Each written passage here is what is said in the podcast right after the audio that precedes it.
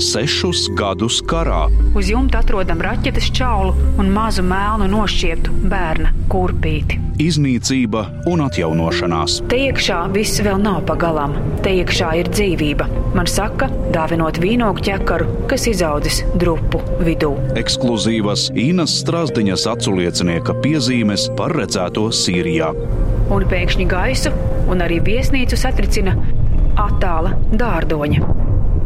Dzīve neapstājas arī karā.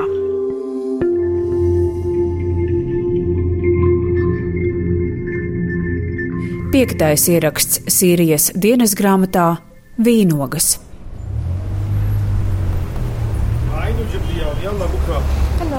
Pēdējais rīts Alepo šķiet neticams.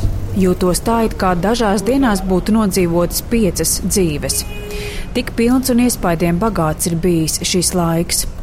Mani ceļa biedri, arhitekti, turpinās darbu sagrautajās Alepo pilsētas teritorijās, ar īpašu tehniku skenējot unikālās sēklas, lai pēc tam varētu noteikt, kā tās var glābt.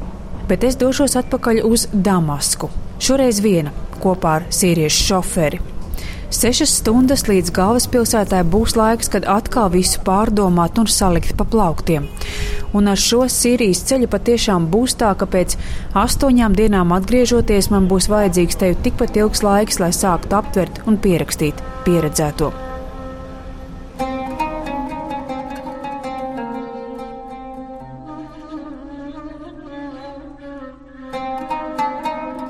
Sagrauto Alepo, ko līdz šim esmu skatījis fotografijās, ziņu lentēs un pasaules ziņu kanālos, tagad esmu redzējis savām acīm un zinu, cik neiedomājami stipra šī pilsēta ir.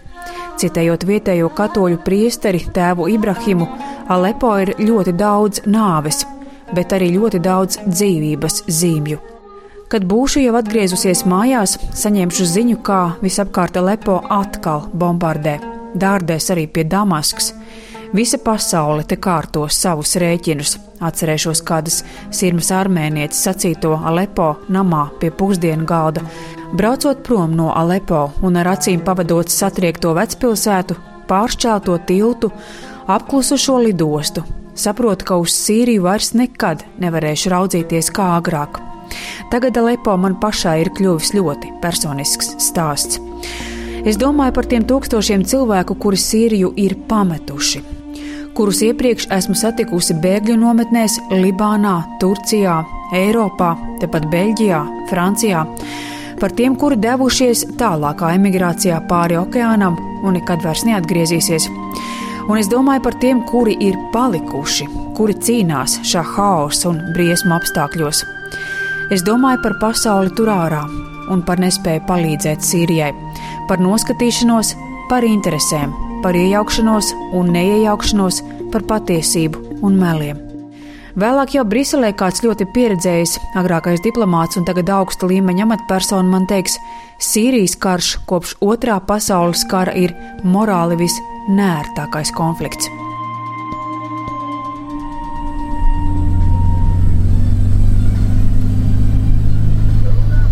Atgriežoties no Alepo Damaskā, ceļš būs tas pats platas dzeltenbrūnas, dažbrīd līdzenas, dažbrīd paugurainas ainavas, ciemati, neskarti un sabombardēti, sadegušu auto un militārās tehnikas vraki, kontrolposteņi, kontrolposteņi, kontrolposteņi, un iebraucot Damaskā pāri mājām plīvojošs milzīgs Sīrijas karoks.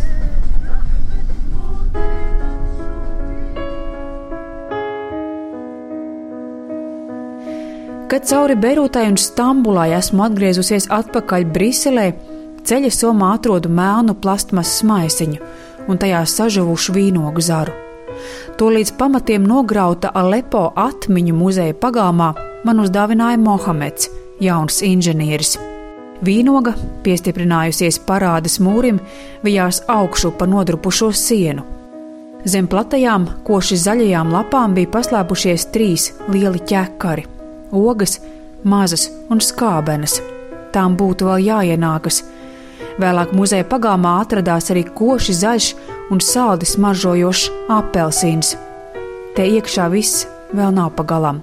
Te iekšā ir dzīvība, man sacīja, sniedzot mazo ar biezu, cietu mizu nobruņoto spītīgo augli.